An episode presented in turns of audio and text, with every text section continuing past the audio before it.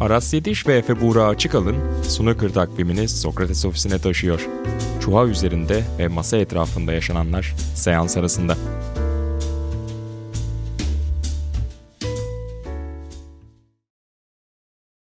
Sokrates'e hoş geldiniz değerli izleyenler. Seans arasının dördüncü bölümünde biraz gecikmeli de olsa sizlerle beraberiz. Ben Aras Yetiş, sevgili Efe Buğra Açıkalın'la beraber. Efe hoş geldin. Buluştuk sonunda. Hoş bulduk. Gerçekten biraz vakit aldı. Kusura bakmasın sevgili dinleyicilerimiz de elde olmayan durumlar söz konusuydu. Ben Vietnam'daydım son bir aydır. Sizin de yani spor programı gerçekten çok yoğundu. Özellikle Dünya Kupası'ndan dolayı. Onu da özrünü dilemiş olalım. Bize biraz Vietnam'ı anlat o zaman madem. Yani çünkü benim ne yaptığım çok açık. Biz Dünya Kupası yoğunluğuyla mücadele halindeydik ve zaten dünya biliyor ama Vietnam'da nelerin yaşandığı merak konusu. Ya ben Vietnam'da 5 yıldızlı bir hapishanenin 351 numaralı hücresinde falan diyormuşum. Çalışıyordum. Bir güzellik yarışmasının sosyal medya işlerinden sorumluydum. Bir ay boyunca Vietnam'ın 5 farklı şehrini gezdik. İşte orada belli mekanları tanıttık. Gerek oteller olsun gerek turistlerin ilgisini çekebilecek yerler olsun. Turizm konseptli bir güzellik yarışmasıydı. Yani bayağı hareketli geçti bir ay. Oradan oraya oradan oraya. Gerçekten hiç vaktim olmadı. İnternetim de yoktu. Koşullar da böyle harika değildi. Ve çok maceralı geçti tabii yani e, benim için çok güzel geçti ama snooker'la çok ilgilenemedik. Yazı da yazamadık. Podcast'le de ilgilenemedik. Ancak şu anda buradayız artık. Canın sağ olsun ya. Bence güzel bir tecrübe olmuş olmalı. Çünkü çok farklı bir yer. Çok farklı bir dünya deneyimi. Tabii ki zorlukları. Senle biraz detaylı konuşmuştuk onları. Onlar üzerine çok burada detaya girmeyelim ama yani zorlukları haricinde bilmiyorum yani bence çok da kötü görünmüyor. Güzeldi evet yani ben hayatımda tabii böyle bir endüstride hiç çalışmadım. Sosyal medyadan az çok anlıyoruz ama arkada bambaşka şeyler oluyor. Ben de onları ilk defa görüyorum. Hiç benim alışık olmadığım dinamikler var. Aslında bir taraftan organizasyon hani snooker turnuvasına benziyor. Orada da işte yıldızlar var, oyuncular var, belli maçlar demeyelim ama orada da belli etkinlikler oluyor ve tabii ki belli bir rekabet var. Ortam finale yaklaştıkça bayağı gerilmeye başladı. Onun haricinde işte finalin sonrasında kazanamayanların tavırları değişti. Gerçekten enteresan yani. İlginç benzerlikler gördüm snooker'la. Rekabet orada da mevcut. Diyelim ufak ufak dilersen tabii sen yokken, sen buralarda değilken snooker dünyası yandı tam anlamıyla. Çok acayip şeyler oldu. Hoş olmayan şeyler oldu bir yandan. Oradan bir girelim dilersen. Yani snooker'da ciddi bir şike skandalıyla karşı karşıyayız. Ve 7 tane oyuncu şu anda snooker turundan uzaklaştırıldılar. Bu oyuncular Çinli oyuncular. Lu Ning, Li Hang, Chang Bingyu, Bai Lang Ning, Zhao Jianbo ve Yang Mingtao sanıyorum eksik yok saydıklarım arasında. Tabii sanki. bir de Liang Wenbo var. O biraz daha böyle tırnak içinde söylüyorum bunu elebaşı kıvamında bir havayla dışarıda. Ama genç oyuncular burada Çinli oyuncular işin bir parçası. Şu anda bir soruşturma mevcut ve o soruşturmada tabii ki bir sonuca ulaşılmış değil. Detaylar çok fazla paylaşılmış değil. Önce senin bir bu konudaki ilk görüşünü alayım sonrasında zaten biraz daha satır aralarına ineriz. Ya bu çok enteresan bir konu. Ben bunu zannediyorum 3 yıl önce Almanya'ya ilk gittiğimde Jason Ferguson'la ilk tanıştığım zaman ona sormuştum. Yani işte snooker'ın işte adil bir spor olması bu şike ile alakalı konular işte geçmişte biliyorsun. Bunun herhalde en büyük örneği Stephen Lee 12 yıl ceza almıştı. İşte sonrasında John Higgins'in hala bugüne kadar konuşulan meşhur olayı vesaire sormuştum ve Jason Ferguson orada bana şu an tabii detaylı olarak girmeyeceğim ama WPBS'in bu konu ile alakalı net duruşunu çok ifade etmişti. Yani bu başka sporlarda bence bu, bu kadar büyük çapta bir olay böylesine gündemde olmayabilirdi. Saman altından halledilmeye çalışılabilirdi. Üstü örtülebilirdi. Ama Jason Ferguson ve ekibi bunun kötü etkilerini de göze alarak her şeyi ortaya çıkarmak için ellerinden geleni yapıyorlar. Bunu net bir şekilde görüyoruz. Hep söylenir zaten Mesela sporlarda silent band denen bir şey vardır. Pek dışarı çıkmadan kol kırılır yen içinde kalır Aynen tarzı öyle. ilerleyen. Mesela birçok sporda bunun yapıldığı dillendirilir. Tabii ki silent olduğu için Elimizde çok bir data yok yapıldığına dair. Ama konuşulur bireysel sporlarda, takım sporlarında. Snooker bunu yapmıyor. Zaten sen de güzel bir noktaya değindin. Jason Ferguson'ın açıklaması vardı. Biz bununla halkın önünde, kamuoyunun önünde yüzleşmeyi seçtik dedi. Bu sporun temiz kalma iddiasının ne kadar büyük olduğunun zaten bir kanıtı. Ama şu da bir gerçek. Snooker bunun yapılabileceği bir spor. Spordan spora oyunun dinamikleri nedeniyle bazı değişimler gösterebiliyor tabii. Match fixing davaları, şike davaları mesela teniste de çok fazla yapan ve ceza alan oyuncular oldu geçmişte. Bilhassa daha alt seviyelerde, ITF seviyesinde. Snooker'da da bir sporcunun elinde olduğu için ve oyun çok zor olduğu için zaten çok basit hataları bile biz görmeye alışığız. Çok basit hatalar maçların seyrini değiştiriyor, skorların seyrini değiştiriyor ve biz çoğunlukla gördüğümüz çok basit hatalara şüpheyle yaklaşmıyoruz. Ama aslında kimi zaman şüpheyle yaklaşılması gerekiyor galiba. Yani zaten özellikle snooker gibi bir oyunda bence istihbarat olmadan böyle bir soruşturma açabilmek çok mümkün değil. Yani masaya bakarak bence imkansıza yakın yani. Çünkü bir oyuncu milimetrenin dahi altında bir hata yaparak topu hiçbirimize fark ettirmeden kaçırabilir ve bununla alakalı ileri geri konuşmak mümkün değil bence yani. Zaten kanıt olarak gösterilen maçlar da senin söylediğin gibi. Yani dava görülüyor, sporcular suçlarını itiraf ediyor ve ondan sonra o maçlarda şike yapılıp yapılmadığı üzerine daha rahat bir inceleme gerçekleştirilebiliyor. Ama ben şunu da okudum geçenlerde kim olduğunu hatırlamıyorum. Bir profesyonel oyuncu şundan bahsetmiş. Bilerek kaçırmak daha zor diyor. Valla olabilir tabii. O kadar bilemeyiz. Profesyonel oyuncu değiliz ama yani çok da yorum yapamadım açıkçası. Neden daha zor olacağını da anlamadım. Yani ya bir oyuncu mesela cepten çalıyor normalde e, bir vuruşu zorlamak isterken bilinçli olarak biraz daha fazla cepten çalabilir yani. Neden yapamasın ki bunu? Şu mu acaba? Artık çok otomatikleşmiş olduğu için melekeleri. Yani cebe vurmak yani. Cebe vurdukları için sürekli. Yani belki de evet. E, ama yani bence minareyi çalan kılıfını hazırlar. Yüzde yüz. Ki birçok kez minarenin çalındığını gördük snooker tarihinde. Sen de az önce bahsettin. Bu davada şöyle bir durum var. Çinli oyuncular işin içinde. Bu tabii ki snooker'ın en büyük yetenek havuzu söz konusu. Çin snooker'ı söz konusu. Bir kere ülkenin imajını uzun vadede zedeleyebilecek bir şey. Oradan gelecek oyuncuların özgüvenini kırabilecek bir şey. Ve zaten farklı bir kültüre adapte olmaya çalışan bir sürü çocuğa belki istemsizce daha farklı gözle bakılmasına neden olabilecek bir şey. Dolayısıyla bence Çin snooker'ı içinde çok büyük bir problem söz konusu. Burada şimdi şöyle bir durum var. Liang Wenbo Chang Bingyu ile alakalı bir konu. Yani Chang Bingyu'nun bir maçında Liang Wenbo maçı 4-1'lik skorla kaybetmesi konusunda bir telkinde bulunmuş. Hatta yani gözünü korkutmuş, tehdit etmiş. Evet yani bunu tabii Chang Bingyu'nun açıklamasına dayanarak söyleyebiliyoruz. Tabii. Yanlış hatırlamıyorsam Britanya açık son 32 Jamie Jones maçı olması lazım. Sen de kontrol edebilirsin belki. Evet şu an bakıyorum Jamie Jones maçı. Yani açıkçası Chang Binyu bu açıklamayı yaptı. Çince yaptı ve sonradan sildi. Doğru mu yanlış mı bilme şansımız yok. Ama bir şeylerin kokusu çıkıyor gibi gelmeye başladı bana. Çünkü Liang Wenbo bu oyunculardan bir süre önce ceza aldı. Hepsinden daha önce ceza aldı ve sonrasında muhtemelen soruşturmanın ilerlemesiyle beraber bu diğer 6 arkadaş da ortaya çıktı bir şekilde yeni alınan istihbaratlarla. Ancak tabii burada en ilginç isim ve kamuoyunun en çok dikkatini çeken isim Yan Bingtao oldu. Yani Yan Bingtao'nun ismi açıklanana kadar bu olay bu kadar büyümemişti. Çünkü genellikle isimler no name, daha genç isimlerdi. Sıralamanın aşağı basamaklarındaki isimlerdi. Aralarında şampiyon yoktu. Hani Liang Wenbo'yu biraz ayrı tutuyorum. Çünkü Liang Wenbo'nun zaten bu sene başka avukatları da vardı. O yüzden insanlar ona çok şaşırmadı bence. Ama Yang Bingtao gibi geleceğin dünya şampiyonu olarak görülen bir isim. Hali hazırda Master şampiyonu olmuş bir isim. Bu işlere karışmış gibi görününce tabii bilmiyoruz soruşturmanın neticesinde ne çıkar ama ya ben bugüne kadar hani bu işlerden dolayı böyle askıya alınıp sonrasından suçsuz çıkan bir oyuncu hatırlamıyorum. Umarım haksız çıkarım ama insanları biraz rahatsız etti.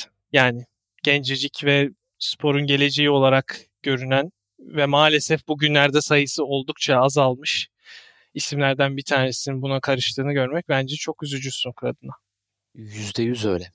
Ve mesela hani şundan bahsettin işte yıldız oyuncu statüsünde bir oyuncu bu işin içine girince biraz daha renk değişiyor. 2010 senesinde John Higgins'in mevzusunu hatırlayalım. Tabii orada bir e, yapılmış şike yoktu veya kanıtlanmış herhangi bir şike olayı yoktu. Bir şike pazarlığı sırasında kamera kaydı ve aslında tur maçı değildi. John Higgins'in kendi düzenlediği özel turunda yaptığı maçlardan bir tanesiydi. World Series of Snooker mıydı? Şimdi tam hatırlamıyorum o serinin adını. Ona benzer bir şey olması lazım. Orada tabii John Higgins şunu söyledi. Menajeri Pat Mooney ile beraber tehdit edildiklerini ve yani tehdit edildiğini hissettiğini, o odadan bir an önce çıkmak istediğini ve o pazarlıktaki hiçbir şeyi aslında yapmayacağını ama bunu bildirmediği için oyunun saygınlığına zarar verdiği gerekçesiyle bir 6 ay kadar ceza almıştı. Yüksek bir meblağ ödemişti. Evet. Ve ne olursa olsun kariyerinde John Higgins'in büyüklüğü aşikar. Ama bir leke midir bu? Bir lekedir. Yani evet o olayın tabii gerçekleşmesi biçimi bakımından bunlardan ayrıldığını söylemek lazım. Çünkü o kaydı alan kişiler gazeteci. Ve bu burada biraz tabii yani biraz da niyet okuma yapacağım ama yani orada biraz materyal çıkarma isteği de var. Yani neden böyle bir şey yaptıklarını bilemem ama o dönemler sporun bir numaralı ismi Johnny Higgins 2009 dünya şampiyonu. Bir sonraki sene yaşanıyor zaten bu olay. Yani artık arkasındaki niyeti bilemeyeceğim ama gazetecilerin bir yani undercover bir nasıl denir Türkçesi? Saman altı. Evet. Saman altı bir, bir operasyon ve gizli kamerayla yaptıkları bir News of the World. kaydı ve bunun yanında kaydın tamamı da yayınlanmıyor. Ben zamanında bu işi bayağı araştırmıştım. Hatta savcıların o davaya bakan savcıların açıklamalarını falan da okumuştum.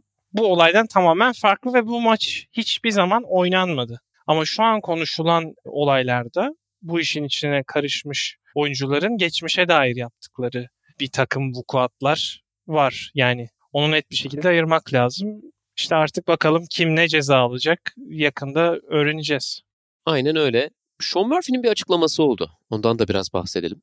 Evet. Dedi ki bence şikeye bulaşmışsa bir oyuncu ve suçluluğu kanıtlanırsa profesyonel ve amatör snooker oynamaktan veya işte tekrar profesyonelliği denemekten ömür boyu men edilmeli.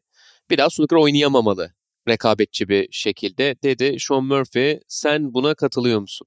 Ya açıkçası ben buna katılıyorum ve bu yorum olmadan önce yani yıllar önce ben Stephen Lee ile alakalı yazımı yazarken şeyi düşünmüştüm. Yani böyle bir adamın eğer gerçekten şike yaptığına eminseniz 6 e, ya da 7 maçta diye hatırlıyorum şike yaptığı kanıtlanmıştı. E, snooker'a dönmesine neden izin verirsin ki? Yani 12 yıl cezanın nasıl bir mantığı var? Tamam 12 yıl sonra gerçekten de artık rekabetten düşmüş olacağı bir yaşa gelmiş oluyor ama yine de bunun önünün açılması bana da o dönem çok mantıklı gelmemişti. Açıkçası ben katılıyorum Sean Murphy'ye. Bilmiyorum sen ne düşünüyorsun? Ben şöyle düşünüyorum. Şimdi tabii ki bir hukukçu değilim ama suçlar ve cezaları var insanlar suç işliyorlar. Cezalarını çekiyorlar ve bir şekilde sonrasında hayata karışıyorlar. Profesyonel spor tabii ki hayat değil. Suçlar çok daha farklı düzlemde işleniyor. Burada bahsettiğimiz şey bilinçli olarak bir maçı kaybetmek, bilinçli olarak bir topu kaçırmak, bilinçli olarak bir frame kaybetmek. Ben cezasını çekmiş oyuncuların eğer temiz bir kafayla tekrar snooker'a dönmek istiyorlarsa, tekrar spora dönmek istiyorlarsa, doping için de aynı şey geçerli bu arada. Tekrar dönebileceklerini düşünüyorum. Çünkü hayat boyu yapamazsın demek bir insana çok kolay bir şey değil. Tamam ceza caydırıcı olabilir. İşte Steven Lee'ye mesela inanılmaz bir ceza verildi. Snooker'ın en büyük bakıldığında Steven Lee'nin ismi ölçeğinde de bakıldığında en büyük cezasıydı 12 sene. 2024'te adam 50 yaşındayken bitecek. O kadar büyük bir cezadan sonra zaten Steven Lee bir daha tura döndüğünde bu işi yapar mı, yapmaya çalışır mı veya bir daha tura döner mi bilmiyorum. Steven Lee'yi konuştuğumuz için söylüyorum ama bu genç oyuncular tekrar snooker oynamaya çalışacaklar. Ben ömür boyu konusunu biraz ağır buluyorum. Çok ciddi bir hüküm veriyor orada Sean Murphy bunu söyleyerek. Ama o kadar kolay değil. Yani açıkçası o konuda ha, yani biraz hak veriyorum evet sana. Yani ben de aslında bunu biraz doping gibi değerlendirerek düşünmüştüm ama yine de yani eğer gerçekten kanıtlanabiliyorsa bir oyuncunun şike yaptığı, bilinçli olarak bu işlere karıştığı. Ya bence burada motivasyon da önemli. Çünkü eğer tahmin edildiği gibi bu işin içinde tehdit varsa, zorlama varsa, mesela diyelim ki, ya varsayıyorum şu an ama Liang Wenbo bu işin elebaşıymış ve bu çocukları tek tek bu işe zorlamış. Kendisi de bir şekilde içinde bulunmuş. Çünkü orada Chang Bingyun'un iddiası şuydu. Beni maçı 4-1 kaybetmeye zorladı ve muhtemelen bahis oynamıştı maça. Şimdi mesela bu durumda tamam Chang Bingyu'yu belki ayırabilirsin ama Liang Wenbo'nun gerçekten tekrar snooker'a dönmesine izin verebilecek misin? Liang'ın durum ama biraz daha farklı. Ben burada zaten ölçekten bahsediyorum. Suçun ne oranda işlendiği, şimdi sadece kendinden sorumlu olmadığın denklemde farklı bir yere çıkıyor zaten. Evet. Yani ben de onu Steven Lee bile o kadar düşünüyorum. Açıkçası elini çamura sokmadı. Liang Wenbo'nunki konuşulan buysa tabii ki yani suçluluğu kanıtlanana kadar herkes suçsuzdur denir. Liang Wenbo da şu anda suçlu değil, soruşturma altında. Ama eğer öyleyse onun durum biraz sıkıntılı. Ve şunu da söyleyeyim. Şimdi Çinli oyuncuların çok farklı bir kültüre adapte olmaya çalışan karakterler, figürler olduğunu yıllar boyunca gördük. İşte Ding Junhui bunun ilk örneğiydi. Bu kültür farklılığı yüzünden, dil bariyeri yüzünden kolay sosyalleşemiyorlar. Kolay açılamıyorlar. Mesela turnuvalarda hep birlikte vakit geçiriyorlar. Çinli oyuncuların kendilerine ait bir komünü var ve o şekilde onun dışına pek fazla çıkmadan yaşıyorlar. Liang Wenbo bunu kıran oyunculardan bir tanesiydi. Mesela Ronnie O'Sullivan'la bir arkadaşlığı olmuştu. Ama onun haricinde genelde durum bu. Dolayısıyla Wembo gibi yaşı büyük bir figür tarafından ben bu genç oyuncuların biraz aklının çelinebileceğini de düşünüyorum. Wembo burada ismi geçen kişi olduğu için tabii onu zan altında bırakmak niyetiyle söylemedim. Ama herhangi bir yaşı büyük figür bakın şöyle iyi olacak böyle iyi olacak diyerek bu çocukların aklını çelmiş olabilir. Zaten Yan Bingtao için çok daha geçmişten geldiği söyleniyor bu iddiaların.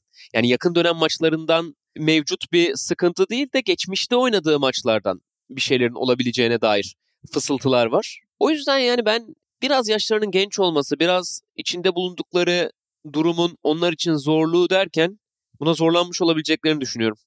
Yani evet o zaman bence de sonuç daha farklı olabilir. Ama bilemiyorum yani ya bence bu çok çok ciddi bir iş ya. Yani özellikle yani 18 yaşını geçmiş bir insanın, profesyonel bir sporcunun spora ve kendine bu kadar zarar verebilecek bir davranışa yeltendiyse yani zorlama konusu farklı o başka bir konu o belki başka değerlendirilebilir ama kendi rızasıyla bu işe yeltendiyse yani ben çok çok daha ciddi cezalar ol, olması gerektiğini katılıyorum Sean Murphy gibi. Sen diyorsun ki almayalım bir daha. Yani evet şu anki dur- durumda aslında Eyvallah. oyuncuların da yani oyuncu yetişmesi konusunda da ciddi sorunlar var. Yani böyle aslında adam harcamak lüks her ne kadar ciddi bir yap ciddi bir suçlama olsa da ama ya bence sporun gerçekten temiz kalması adına caydırıcı olması gerektiğini düşünüyorum. Ve şu da bir gerçek. Hiçbir zaman tam anlamıyla ne olup bittiğini çözmek mümkün değil. Tabii ki fotoğrafın büyük bir bölümünü görebilirsin ama muhtemelen tam olarak ne olup bittiğini asla bilemeyeceğiz. Doğru. Ama can sıkıcı. Snooker'da nadir böyle şeylerin olduğu ama olduğunda da işte epey büyük su kaldırıyor. Steven Lee'den bahsettik, John Higgins'ten bahsettik. Geçmişte Quinton Hen'in, Avustralyalı oyuncunun benzer bir durumu olmuştu. Kao Yupeng'in yine benzer bir durumu olmuştu. O da ciddi bir ceza almıştı. Şimdi dilersen artık burayı konuştuk. Çünkü biraz aslında varsayımların üzerine konuştuk. Onu tekrar belirtelim. Ortada belli olmuş bir suç yok. Soruşturma devam ediyor. Soruşturmada iyi durumdayız, ilerledik. Sanıldığı kadar başında değiliz dedi Jason Ferguson. Nereye çıkacak? Onu göreceğiz. Olduğunda konuşuruz. Daha detaylı analiz ederiz bu durumu. Dilimiz döndüğünce turnuvalar diyelim biriken turnuvalara şöyle bir bakış atalım. Nerede bıraktık? Birleşik Krallık'ta bıraktık sanki en son. Ama sonunu konuşmadan bıraktık. Birleşik Krallık oynanıyordu. Evet evet yani turnuvayı konuşmadık henüz. O da bayağı hareketli bir turnuva oldu. Ne diyorsun? %100. Zaten mesela çok ilginç sonuçlar vardı. Ding Junhui'nin Ronnie O'Sullivan'ı 6-0 yenmesi.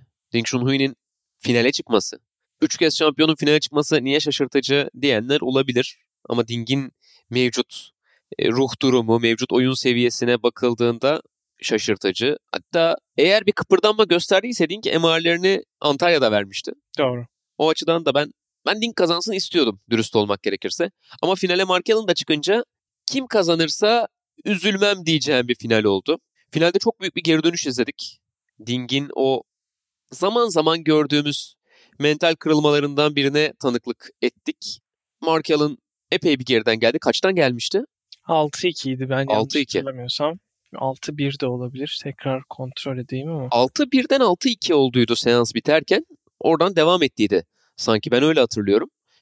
Yani mi? gerçekten tamam Markal'ın gerçekten bu sezon çok iyiydi. Hatta şimdiden belki sezonun oyuncusu olmaya en büyük aday. Ama bir yandan da baktığımız zaman insan Ding gibi bir figürü arıyor. Ding gibi bir figürün ilk 16'da olması hatta ilk 8'de olması bence çok büyük renk katıyordu. Bundan bir önceki Birleşik Krallık Şampiyonası zaferinde hatta acaba geri mi dönüyor? Tekrar eski standardını yakalayacak mı derken yine yokuş aşağı gitmişti. E, Tesadüfen çıkışı yine burada oldu. Seviyor York'u demek ki. Zaten 3 kez de kazandı. Yani tarihinde en başarılı olduğu turnuvalardan bir tanesi. Final yolunda Ronnie'yi yenmesi beni çok etkilemişti. Çünkü senin de bildiğin üzere Ronnie'ye karşı defteri çok kötü Ding'in. E, çok etkileyici bir galibiyet. 6-0. Finalde de bu kadar öne geçtikten sonra e, böyle bir avantaj elde ettikten sonra ki skor gücü de çok yerindeydi hafta boyu e, en isabetli oyunculardan biriydi ki finale de öyle çıktı zaten. Ama oradan geri dönüşe izin vermesi yani daha o maç oynanmadan belki birkaç hafta önce işte artı eksi serisinde dingi yazmıştım ve eksilere en başta mental kırılganlığını yazmıştım. Ya bunu tekrar görmek benim için de çok üzücü oldu. Sean Murphy'ye karşıydı galiba. Bir final kaybetmişti 8-2'den. 9-8 ya da 10-8. Daha sıralama turnuvası değilken Wuxi Klasik olması lazım o turnuva. O kadar büyük bir geri dönüşe kim izin verir sorusu sorulsa ve bunun işte 3-4 cevabı olsa bence Dink onlardan bir tanesi. Ya maalesef benim şahsen çok sevdiğim bir oyuncu. Ben de senin çok de ne seviyorum. kadar sevdiğini Ben de biliyorum. çok seviyorum. Matt'le konuşuyorduk işte Ding'in arkadaşı. Ona da güzel bir ilişkimiz gelişti son bir senede Antalya'dan sonra. Maç boyu konuşuyoruz şimdi maç. Maçın başında işler iyi gidiyor tabii. O tamam bu iş bitti falan. Biraz da biz rehavete kapıldık yani. Ama sonrasında ki Markan'ın bir gün öncesinde de aslında Jack Lisowski'ye karşı çok yorucu bir maç oynamıştı yani. Orada da bir geri dönüş yapmıştı. Yani ondan dolayı ben biraz daha yorgun olmasını bekliyordum. Ding de hızlı başlayınca tamam dedim yani ikinci seansta şöyle bir iki frame alır. Farkı da açtıktan sonra tamam bu iş biter ama Markal'ın işte ya Markal'ın da şöyle bir tarafı var. Gerçekten adam kaybedecek hiçbir şeyi yokmuş gibi oynuyor bazen. Karşısındaki ismin hiçbir önemi olmayabiliyor. Bu modu açabilen çok az oyuncu var snooker'da. Şu anda da kontrol ediyorum. Üst üste 1, 2, 3, 4, 5, 6, 7 tane frame bitirecek seri yapmış. Üst üste. İkisi Büyük maç seri, oyuncusu. Tam beşi yüzlük. büyük maç oyuncusu Mark Allen hakikaten ve Masters'ı vardı. Birleşik Krallık şampiyonu oldu. Onun da Triple Crown'a sadece dünya şampiyonluğu kaldı. Şimdi sadece dünya şampiyonluğu kaldı demek biraz kulağa garip geliyor tabii. Çok büyük bir şey. Dünya şampiyonluğu. Ama ne olursa olsun şu an kimlerle aynı noktada? Mesela Jimmy White'la aynı noktada. Ding Junhui ile aynı noktada. Matthew Stevens'la aynı noktada. İki taneyi kazanıp dünya şampiyonasını kazanamamış olan oyuncular bunlar.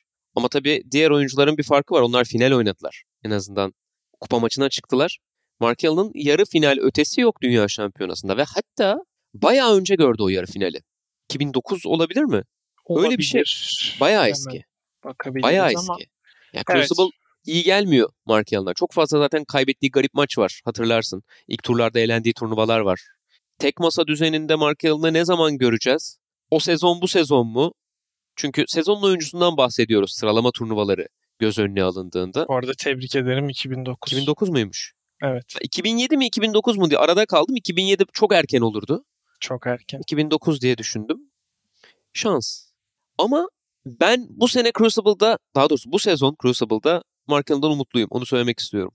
Ya artık bu, bu sezon değilse ne zaman? Yani açıkçası biraz onu konuşmak lazım. Çünkü bakıyoruz Judd Trump pek iyi gitmiyor. Bir Bayağı süredir iyi gitmiyor. E, Selby 19 aydır final yüzü görmüyordu. Güç bela senenin son turnuvasını kazanarak yine Selby'liğini yaptı. Evet ama yani en iyi noktasından hala çok uzakta olduğunu söyleyebiliriz. Ronnie her zaman Ronnie. Ronnie hakkında çok fazla konuşmak istemiyorum. Çünkü tahmin etmek zor.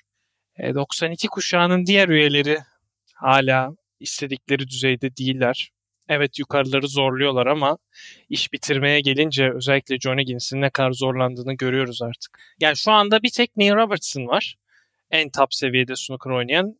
O da yani Crucible adamın üstüne kabus gibi çökmüş durumda. Yani da. bütün turnuvaları topladı. Geçen sene favori olarak yani belki bir numaralı favori olarak Crucible'a gitti. Yine netice alamadı. Ve şu Yani ana marka- kadar da oyunu iyi Neal'ın. Gayet iyi oynuyor. Süper skor üretiyor. Mark Williams da söyledi bunu maçlarından sonra. Şu an dünyanın en iyisi skor üretiminde Neal. Onun liginde değilim ben. Mevcut durumda şeklinde. O da sonuca dökemedi henüz bu sezon. Final bile görmedi. Yarı final gördü. İki işte. tane yarı finali var. E, en yanlış fazla. Bir senin söylediğin gibi gerçekten açıklık mevcut. Markial'ın profilinde bir oyuncunun umutlanabileceği bir açıklık mevcut tabloda. Ama tabii dünya şampiyonasına kadar kim öyle kim kala. Ya orası doğru tabii. bayağı çok bir zaman geçecek. Bayağı turnuva oynanacak. Daha o köprünün altından çok sular akar. Ama yani rasyonel bir değerlendirme yaptığımız zaman ağır toplar iyi durumda değil. Aşağıdan gelen zaten doğru düzgün kimse yok. Hani bu sene dünya şampiyonu olur diyebileceğin. İşte belki Yan Bingtao'yu söyleyebilirdin. O da askıya alındı. Shintong falan henüz o seviyede değil. Her ne kadar favori oyuncularımdan biri olsa da. Ya Mark Allen şu an bu avantajı kullanmalı. 2022 Aralık penceresinden baktığımızda dünya şampiyonasının birkaç favorisinden biri gibi. Şu an Mark Allen. Bir de bunu yeni yılda konuşuruz. Sezonun 2022 bölümünü bitirdik. 2022-2023 sezonunun. Tabii iki turnuva daha oynandı Birleşik Krallık Şampiyonası'ndan bu yana. İskoç Açık, sürprizlerin turnuvası. En baştan itibaren zaten çok fazla sürpriz oldu. Ve ardından İngiliz Açık. Ondan bahsederiz. Mark Selby'den bahsederiz. Önce İskoç Açık'tan şöyle bir konuşalım dilersen. Edinburgh'da oynandı. Çok güzel bir şehirde. Ama turnuvada biraz daha büyük isimler izlemeyi uman İskoç seyircisine sürpriz şoku geldi. Şöyle bir bakıyorum ana tabloya. Ben de hafıza tazeliyorum. Bir yandan zaten son dört Gary Wilson Tepçaya. Bir tarafta Joe Connor, Neil Robertson diğer tarafta. Joe Connor, Neil Robertson yeniyor. Yani şu dörtlüden şöyle bir yüzde çıkarsan turnuvayı kim kazanır? Herhalde Neil Robertson yüzde 90 falan çıkar. Şu son dörtlüye baktığın zaman şurada bir oylama yapsan seyirciler arasında. Yani Joe Connor kazanıyor. Joe Connor 6-3 kazanıyor bir de bu maçı. Yani inanılmaz bir maç. Joe Connor'ın da hafta boyu bu arada performansından bahsetmek lazım. Kimleri kimleri yendi. Yani Mark Williams'ı yendi. Uçan bir Mark Williams'ı yendi. Dingi yenmiş. Dingi yendi. Şu anda en iyi iki oyuncudan biri olan Neil'ı yarı finalde yendi. Shintong'u yenmiş. Yine daha erken tura gittiğimizde. Shintong da ilk 16 oyuncusu artık. Yani bu isimleri yan yana koyduğun zaman gerçekten inanılmaz bir şey. Tabii Joe Connor'ı takip ettiğim bir oyuncu. Birkaç senedir gelişim kaydettiğini söylemek mümkün ama yani böyle ilk 64'te zar zor tutunuyordu son durumda. E, Böyle bir çıkış kesinlikle beklemezdim ben. Yetenekli bir oyuncu tabii görüyorsun. Özellikle fırsat yaratma anlamında yetenekli bir oyuncu ama işte beyaz topu o kadar iyi değil veya işte içeri girdiğinde o kadar klinik bir oyunu yoktu bu turnuvaya kadar ama burada tamamen çehresini değiştirdi. Özellikle ya mental olarak o kadar sağlam kalabilmesi inanılmaz. Hatta işte bu Neil karşısında yanlış hatırlamıyorsam yaptığı bir temizlik vardı. Ve masa temizliği seyretmişsindir. Yani muazzam bir temizlik. Yani senenin temizliği olabilir. Belki işte Ronnie'nin Crucible'da Johnny Gins'e karşı yaptığıyla yan yana konur. Ama gerçekten çok beklenmedik bir performans. Belki sen de Gary Wilson tarafından konuşabilirsin. O da yani tamam belki finallerde gördüğümüz bir isim zaman zaman ama ondan da beklemiyorduk herhalde. Beklemiyorduk. Aslında şöyle söyleyeyim ben 2020'de yarı finale çıkmıştı Dünya Şampiyonası'nda. 2019. 2019, 2019 aynen pandeminin bir sene öncesi. Ben sanki pandemili turnuvada mı yarı finale çıkmıştı diye düşündüm. O acayip bir gündü. Dave Gilbert diğer yarı finalde. Evet. O Dünya Şampiyonası yarı finaline çıkan Gary Wilson'ın ben turnuva kazanabilme kapasitesinde olduğunu düşünüyordum açıkçası. Ama işte istikrarsız. İyi bir oyuncu olmasına rağmen oyunu sürekli o seviyede masaya getiremeyen bir oyuncu. Ben karakter olarak da pek açıkçası sempatik bulmuyordum Gary Wilson'ı. Ama turnuva şampiyonu olmayı başardı. İskoçya'da Joe Connor'ı yenerek. İyi bir final denk geldi açıkçası. Çünkü Gary Wilson gibi bir oyuncunun finale çıkıp finaldeki daha tecrübeli oyuncu olması aslında karşısına çıkması çok zor olan bir şey. Kesinlikle öyle. Çünkü Ben biraz bu anlamda da şanslı olduğunu düşünüyorum. Ve çok böyle güzel karşıladı, sakin karşıladı, sükunet içinde. Biraz dediğim gibi ufak bir ön yargı hissim vardı kendisine dair. Ama o maçla beraber kırıldı. Belki bu rahatlama hissi turnuva kazandıktan sonra Gary Wilson'a daha fazlasını bile getirebilir. Çünkü oyun gücü var ve büyük maç oynamaktan korkmuyor. Bu önemli. Ya onun da yanında büyük maç oynayacak donanımlara sahip. Bence bu kısmı çok önemli. Mental olarak sağlam bir oyuncu olduğunu söylemek çok çok zor. Özellikle kendini çok bozuyor. E bunu söylemlerinde de görüyoruz. Sen mesela biraz antipatik bulduğunu söyledin. Ben tam tersine aslında karakterini beğeniyorum. Evet herkese hitap edecek bir oyuncu değil. Onu anlayabiliyorum. Ama enteresan bir adam ya. Bir şey görüyorsa bunu olduğu gibi söyleyen, hiçbir filtreden geçirmeyen bir adam. O yönünü çok seviyorum ama işte konu kendisine geldiğinde biraz acımasız olabiliyor. O da işte oyun içerisinde kendini düşürüyor. Hatta bu Estonyalı oyuncuyla Twitter'da bayağı atışmaları vardı hatırlarsın. Petrov muydu? Evet Andres Petrov stakasını falan yere atmıştı. Bir sürü olaylar yaşanmıştı. Ya bazen bunları yapabiliyor. O anlamda evet ama senin de dediğin gibi 2019 yarı finaline çıktıktan sonra turnuva kazanabileceğini göstermişti. Ama bence o zaman bu zaman değildi. Yani bana kalırsa. Evet bir yarı final bir final gördü ondan sonra sıralama turnuvalarında. Ama mesela Jack Gizowski'ye bakalım. Jack Gizowski mesela harika zamanlar geçirdi. Judd Trump'a denk geldi. Zhu Yuelong'a bakalım. Büyük şans ya. Gerçekten büyük şans. Neil Robertson'a denk geldi. Yani burada bir 32 numaraydı. Bu arada Gary Wilson turnuvaya başlamadan önce. Yani 32 numaralı bir oyuncu olarak ki rastgele kura olmayan bir turnuvada mesela British Open'da olmuş olsa bu final hadi neyse dersin. Böyle bir finalde böyle bir turnuvada finali çıkıp karşına dünya 55 numarasının o dönemki gelmesi çok büyük şans ve şey bir açıdan da baktığın zaman snooker tarihinde en son ne zaman böyle bir final oynandı ben hiç hatırlamıyorum. Tamam bir tarafın underdog olduğu finalleri çok gördük ama yani Gary Wilson 33. olmuş olsa turnuvadan önce ilk 32'den hiçbir oyuncunun yer almadığı bir final olacak. Yani Benim de aklıma gelmedi. Ben hatta ikinci seansı anlattım. Maçın ikinci seansını. Kupa seansını. Düşündüm böyle bir final en son ne zaman oynanmıştı diye. Mark King, Barry Hawkins 2016 Kuzey İrlanda açık ama orada da Barry Hawkins bir dünya şampiyonası finalisti. Evet. Yani ne olursa olsun yine bu kadar ciddi bir profil nasıl diyeyim yani Joe Connor profili yok en azından. Ve Mark King ne olursa olsun ilk 16'ya girmiş geçmişte kendini kanıtlamış bir oyuncuydu. Ya bir taraf sürpriz oluyordu çok fazla, bir taraf güçlü oluyordu. Ama iki tarafında bu kadar sürpriz olduğu bir final uzun süredir ben de hatırlamıyorum. Dinleyicilerimiz belki şunu atladınız diye bize not yazmak isteyebilir zaten sosyal medyadan ulaşmaları mümkün. Bu bahsi kapatalım o zaman İskoç açığı geçelim ve düne gelelim. Biz pazartesi günü yapıyoruz bu kaydı 19 Aralık. Siz muhtemelen kısa süre içinde dinliyor olacaksınız. Mark Selby bir turnuva şampiyonluğu kazandı 2010'dan bu yana. Sanıyorum devam eden bir serisi varmış. Her yıl içerisinde bir sıralama turnuvası kazanma serisi. Onu sürdürdü. Son dakikada yetişti. Son dakikada yetişti. Buzzer beater attı. Ama Mark Selby için önemi bu değil. Mark Selby için önemi Ocak ayında Masters'tan elendikten sonra depresyonla mücadele ettiğini, mental olarak çok sıkıntılı bir dönemden geçtiğini ve sonunda bununla yüzleşmeye karar verdiğini, bunu açıklamayı uygun bulduğunu, daha iyiye gitmeye çalışacağını söyleyen bir Mark Selby.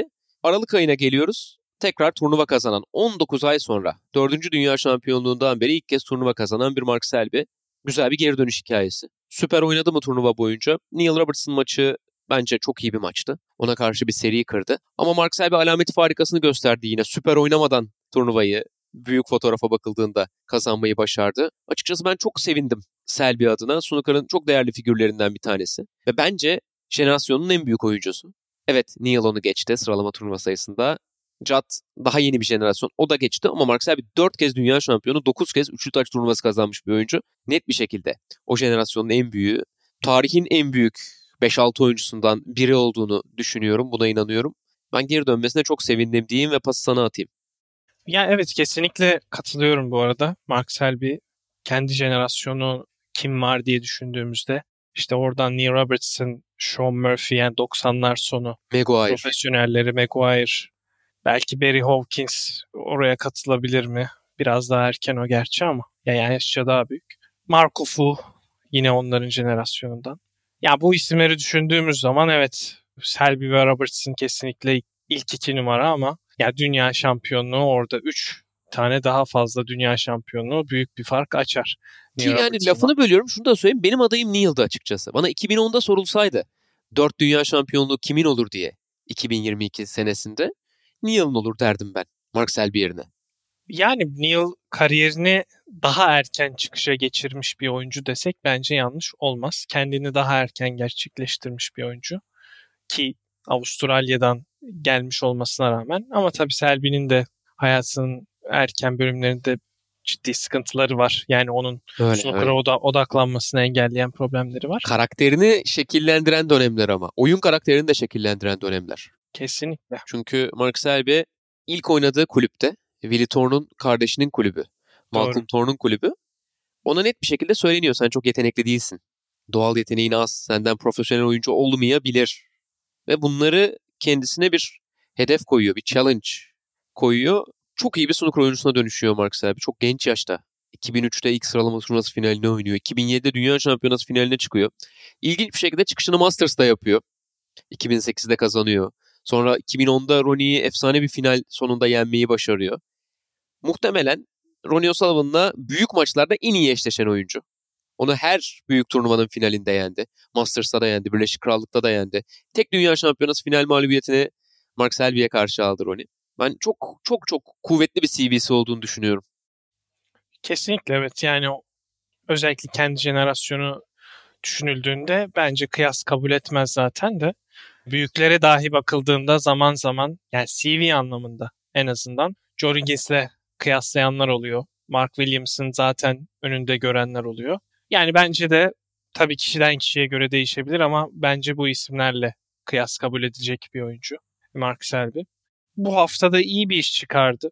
Britanya açıkta biraz göstermişti. Hani acaba tekrar yukarı çıkıyor mu? Kendi standartını yakalıyor mu? İşte orada harika bir maksimum serisi vardı hatırlarsın. O vuruştan da bahsetmiştik. Özel evet. bir kırmızı atmıştı.